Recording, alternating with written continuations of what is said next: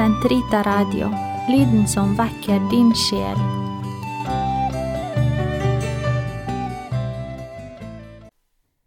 Karmels hage, sesong to. Maria, del tre. Vi fortsetter i dag med å lese fra kapitlet om jomfru Maria, som kardinal Anders Aborelius skrev i boken Trosmeditasjon, som kom ut på karmelittforlaget Karmeliterne i 1987. Kapittelet er oversatt av Frøydis Vik ved karmelittnonnen i Trotus Torus i Tromsø og trykket i sin helhet over flere numre av Sekularkarmelittenes tidsskrift ved Elias Kilde. I denne tredje episoden skal vi høre om Jomfru Maria, den troende. Kardinal Anders Arborelius skriver Andre Vatikankonsil understreker med rette at Jomfru Maria er en av oss. Liksom oss vandret hun på troens pilegrimsvei. Liksom oss levde hun i tro, håp og kjærlighet. Liksom oss tilba hun den eneste og trefoldige Gud. Derfor kan hennes indre forhold til Gud også bli et eksempel og forbilde for oss. I henne inkarneres den kristne tros- og livsholdningen. Menneskebrudens totale overgivelse til sin gudemenneskelige brudgom. Og salig er hun som trodde, Lukas 1,45 er derfor noe kristne har gjentatt til alle tider. Gud moderen er, slik den hellige Ambrosius lærte, kirkens urtype når det gjelder troen. Marias rolle i våre liv kan sammenfattes som både kirkens urtype og det troende menneskets urbilde. Liksom oss ble hun drevet av de tre teologale dydenes dynamikk. Vi trenger alle denne søster i troen, Virgo Fidelis, den trofaste jomfruen, for at troen og trofastheten skal bli en blivende kraft som stadig knytter oss tettere til Gud. Maria er aldri et hinder for vår forening med Gud. Vi trenger bare hennes menneskelige, søsterlige og moderlige hjelp for å finne den rette veien til Gud. Selv en tenker som Søren Kirkegård, 1813–1855, som var så innrettet mot Guds transcendens, skrev mye om Maria og konsentrerte seg nettopp om hennes tro.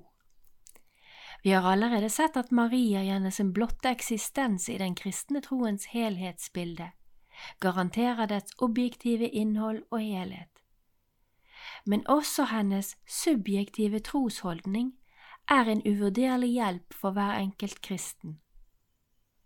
Det objektive må alltid inkarneres i det subjektive. Vi kan alltid identifisere oss med Maria og få del i hennes personlige trosovergivelse til Gud. I de hellige samfunn er hennes tro og bønn tilgjengelig for alle ikke minst i de uunngåelige trosvanskelighetene og troskrisene. I hver og en må Marias sjel være for å prise Herren, og, og, hennes, og i hver og en må hennes ånd være for å juble over Gud, skriver Ambrosius, for å understreke at hennes lovsang, magnifikat, er alle kristnes universelle og objektive trosmanifest, og samtidig gir den uttrykk for deres unike og subjektive hengivelse for ham, som er Marias og deres frelser. Ved sin tro er Maria urbildet på det lyttende, lydhøre, ja, lydige mennesket, nettopp fordi hun er så totalt innrettet mot Gud hun er jo hans ringetjenerinne, Lukas 1,48. Står hun også helt til vår tjeneste for å hjelpe oss på veien til ham. I selve øyeblikket da Gud opphøyet henne til den høyeste verdighet, satte hun seg selv på den aller laveste plassen. Skriver Røisbrøk. I Guds kirke råder alltid ydmykhetens lov. Der vil man ikke røve til seg så mye makt og innflytelse som mulig, men utgi seg selv i tjenende kjærlighet, og det i så høy grad som mulig. Dette gjelder både i forholdet til Gud og til medmennesker. Maria er på en og samme tid et forbilde for vårt bønneliv og vår aktive innsats for vår neste. Marias besøk hos Elisabeth, Lukas 1, 39–56, har alltid vært tolket som et slags paradigme for den ekte kjærligheten til vår neste, liksom bebudelsen i et nøtteskall formidler noe av det mest vesentlige i menneskets holdning til Gud. Slik fremstår Maria både som det åndelige livs uforlignelige læremester og kvinnelige guru som ingen kan måle seg med, og som en, må, en umåtelig praktisk samaritan som tar seg av alle trengende medmennesker. Ytterst sett er det alltid jomfru Marias gjennomskinnelighet for Gud som gjør henne til vårt forbilde og hele kirkens urbilde. Hennes storhet ligger i hennes ringhet. Hun forsvinner fra synsfeltet og lar den iboende Gud i henne få råde. Hun er, som tradisjonen fremholder, den lyttende jomfruen som tar imot Guds ord og grunner på det. Slik blir hun også den bedende jomfruen, som både gir Gud sin tilbedelse og taler vel for oss til ham. Derfor blir hun også den fødende jomfruen, som gir Guds, gir Guds enbårne sønn hans menneskelige liv, og samtidig føder oss frem til det åndelige liv i ham. Som takk for hun også bli den ofrende jomfruen som følger sin sønn, og hvert og ett av sine åndelige barn på lidelsens vei og frem til oppstandelsen.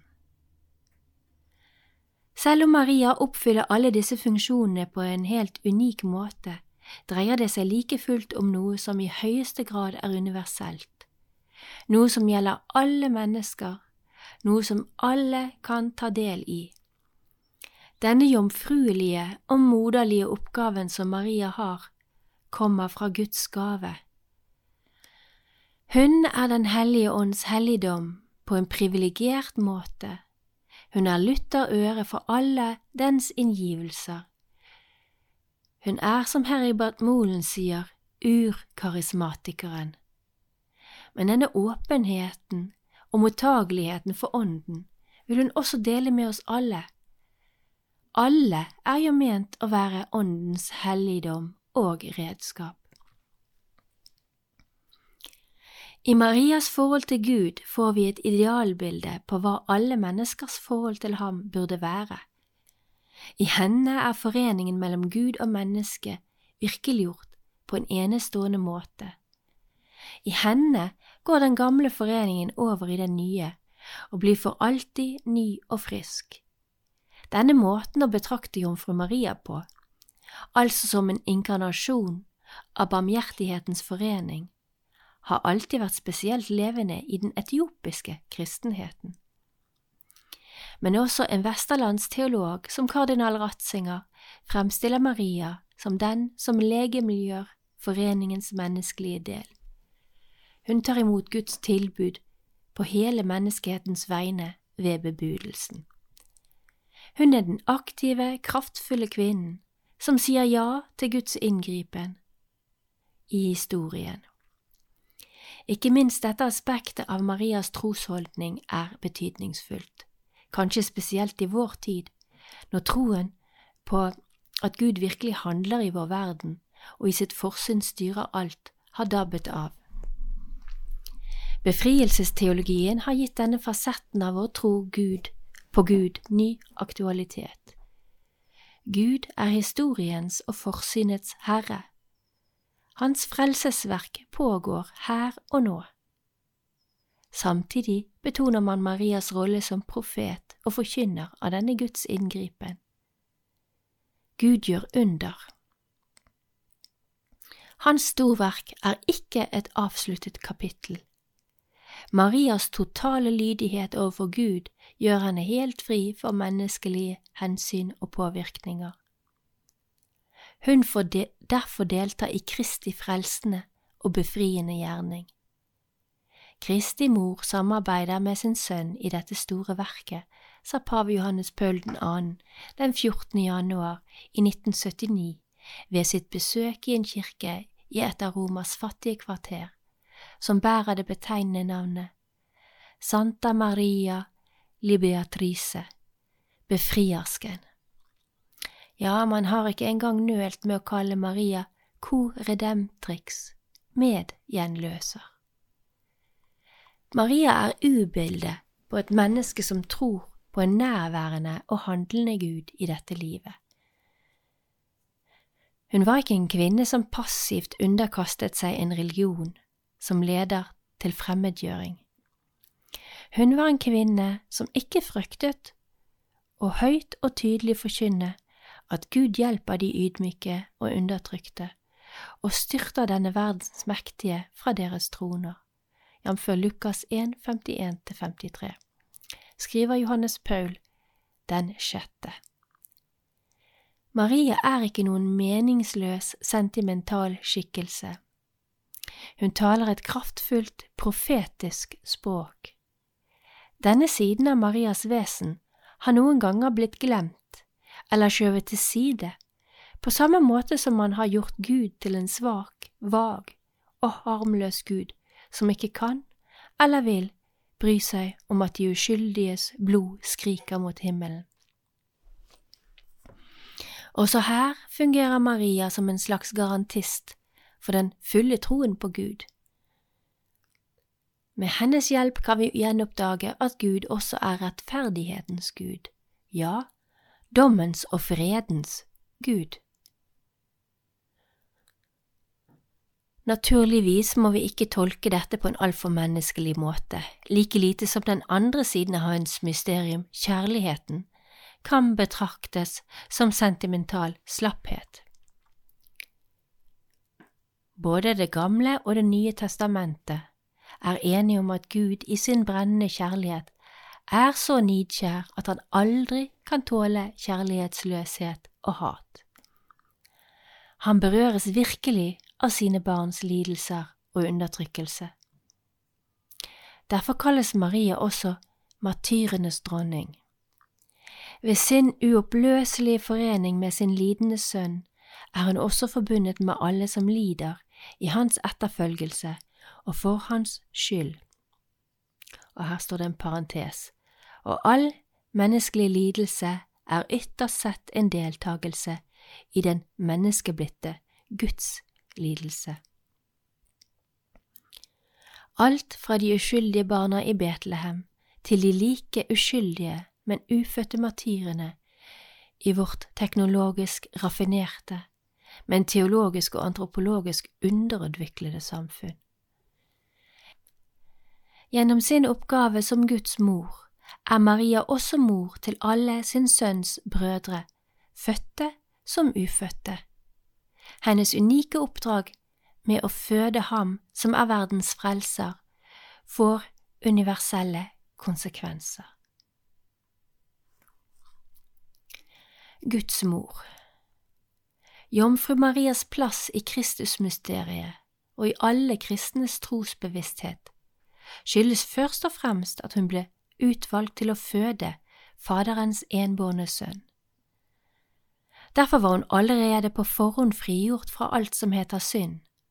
På denne måten blir hun beredt til å bli en verdig bolig, til de gudemennesk det gudemenneskelige liv som spirte i hennes legeme. Hennes tro, som gjør henne til alle troendes forbilde, gjorde henne i stand til å ta imot Guds ord, både i sin ånd og i sitt legeme. Augustin uttrykker det på en kortfattet, men velformulert måte. troen i sinnet, Kristus i skjødet. Og det han sier er bare et ekko av de saligprisninger om Maria som vi får høre hos Lukas. Og salig er hun som trodde, for det Herren har sagt til henne skal gå i oppfyllelse. Lukas 1, 45. Og med Elisabeths ord, og salige er de som hører Guds ord og tar vare på det. Med Jesu egne ord da han peker på det vesentlige i Marias salighet og korrigerer en annen saligprisning om henne. Salig er det morsliv som har båret deg og brystene som du diet. 1127 Gjennom det mest personlige i Maria, hennes tro og hellighet, blir hun også et universelt forbilde. Gjennom hennes mest universelle oppdrag, som føder av Gud, er hun også det, den mest unike av mennesker, ved siden av sin sønn, gudemennesket.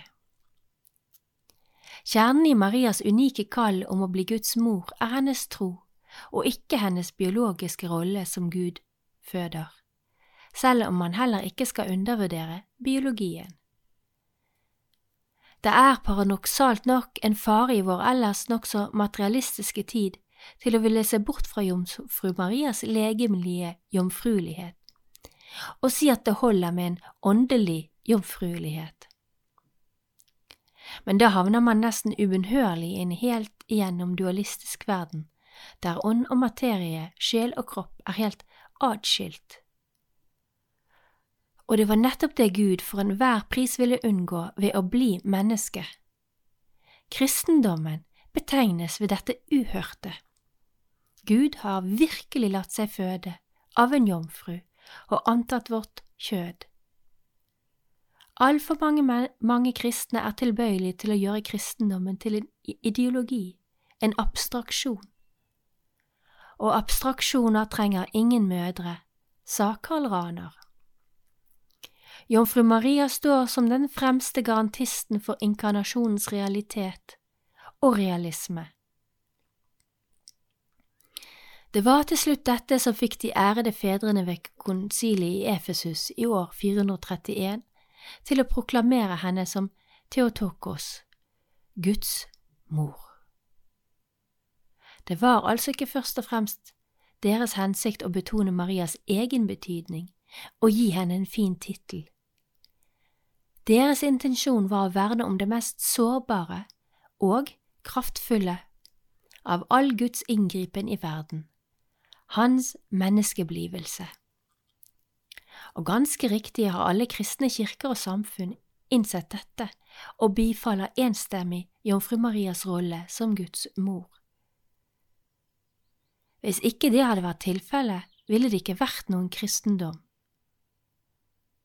Bare selve navnet Theotokos forklarer hele frelsesmysteriet, skriver Johannes av Damaskus. Jomfru Marias kall var å være et tomrom og en kapasitet der Gud fikk den plass han trengte.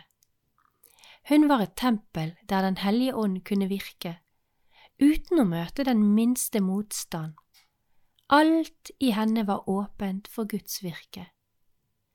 Det er dette aspektet av Marias personlighet vi alle er kalt til å etterfølge på høyest mulig, høyest mulig måte. Det var også denne fasetten i hennes mysterium som gjorde henne verdig til å føde Guds egen sønn. Men også denne verdigheten var en Guds gave, et utslag av nådens forvandlende virke i henne. Maria er, som vi har sett, det mest opplysende eksempelet på aksiomet sola gratia. Av nåde alene er hva hun er, fullkomment lydig og disponibel for Gud. Det ja-ordet hun uttaler ved bebudelsen, er en følge av Guds nåde, som kunne virke i henne uten å møte den minste motstand. Det er egentlig bare ett svar på Guds eget ja-ord til mennesket. Det menneskelige fiat, det må skje, som jomfru Maria forkynner på alles vegne, fordrer samme frihet som Guds skapende fiat. Og det er nettopp derfor Gud aksepterer å bli avvist, miskjent og forkastet gjennom sin egen skapelses opprør. Maria var ingen robot. I henne fikk den menneskelige friheten, gjennom nådens innvirkning, sitt mest fullendte uttrykk. Det tilsynelatende uløselige problemet angående hvordan Guds nåde og menneskets frihet kan forlikes, får i Marias personlige mysterium, som også til en viss grad er vårt eget, en løsning som riktignok er høyst paradoksal, men derfor også helt troverdig. Kjernepunktet i hele mariologien ligger i Jomfru Marias oppdrag om å bli Guds mor. Slik ser vi at Lumen Gentium i sitt åttende kapittel om Maria ikke mindre enn 42 ganger kaller henne nettopp mor. Jomfru Marias guddommelige moderskap er et frelsesmysterium. Ja, hele den kristne troen står og faller med denne trossatsen, som en slags beskyttende og vernende funksjon. Å bevare Kristustroen ren og ubesmittet.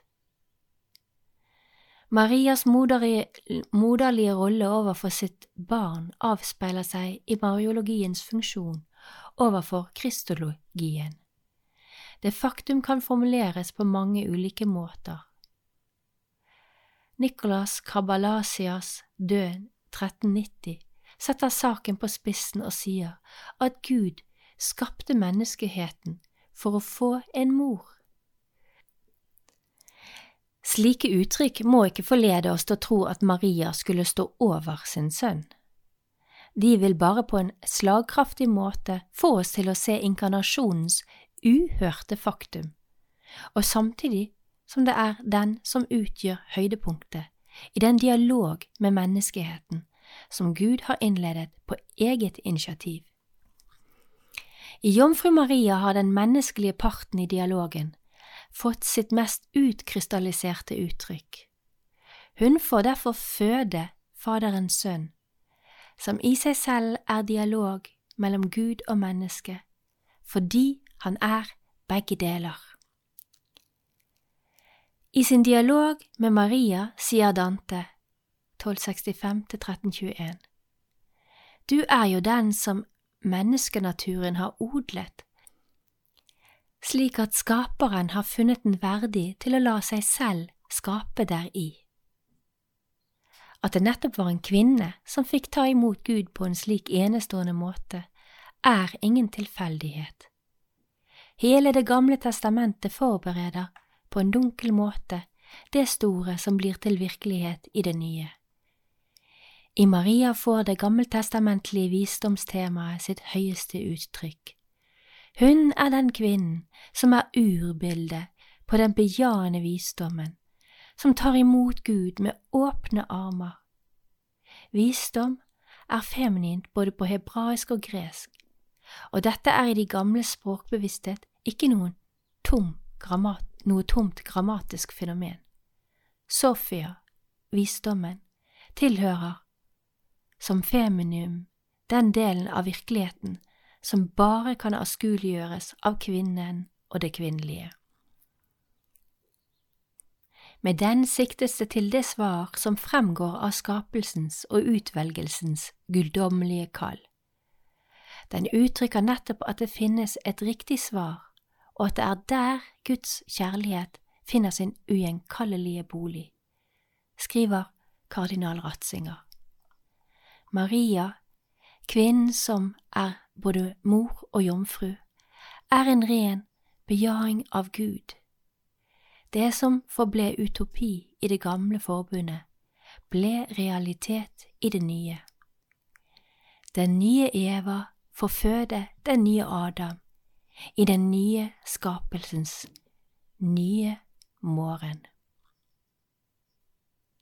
Så ber vi kardinal Anders Aborelius bønn for våre unge. Hellige Maria, Guds mor, til deg tar vi vår tilflukt i all vår nød, ja, med alt som tynger oss. Ta deg av alle svake og små, som ikke har noen annen mor. Vern om troens gave i dem som har svak tro. Vis din moderlige beskyttelse og hjelp de unge til å bevare troens liv. Hold aldri opp med å våke over dem som glir bort fra din sønn og hans kirke. Dra dem tilbake til ditt morshjerte med kjærlighetens bånd, og led dem frem til Jesu hjerte. Amen.